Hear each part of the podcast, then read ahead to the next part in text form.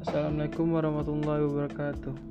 Hai, perkenalkan, nama aku Fajar Fadila dari Prodi Teknik Biomedis.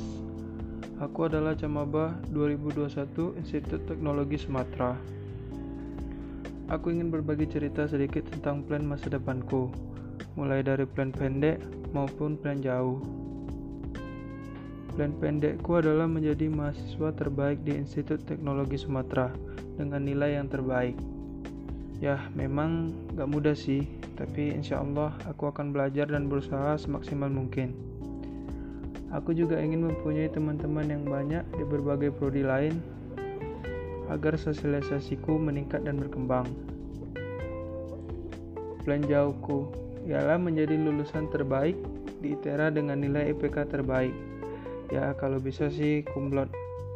Dan juga bisa bekerja di tempat seperti instansi pemerintahan seperti Kementerian Kesehatan atau Dinas Kesehatan. Oh iya, sebelum podcast ini berakhir, aku ada sedikit kata-kata motivasi agar teman-teman tambah semangat. Jangan buang waktu, tenaga, dan pikiran hanya untuk hal yang sia-sia.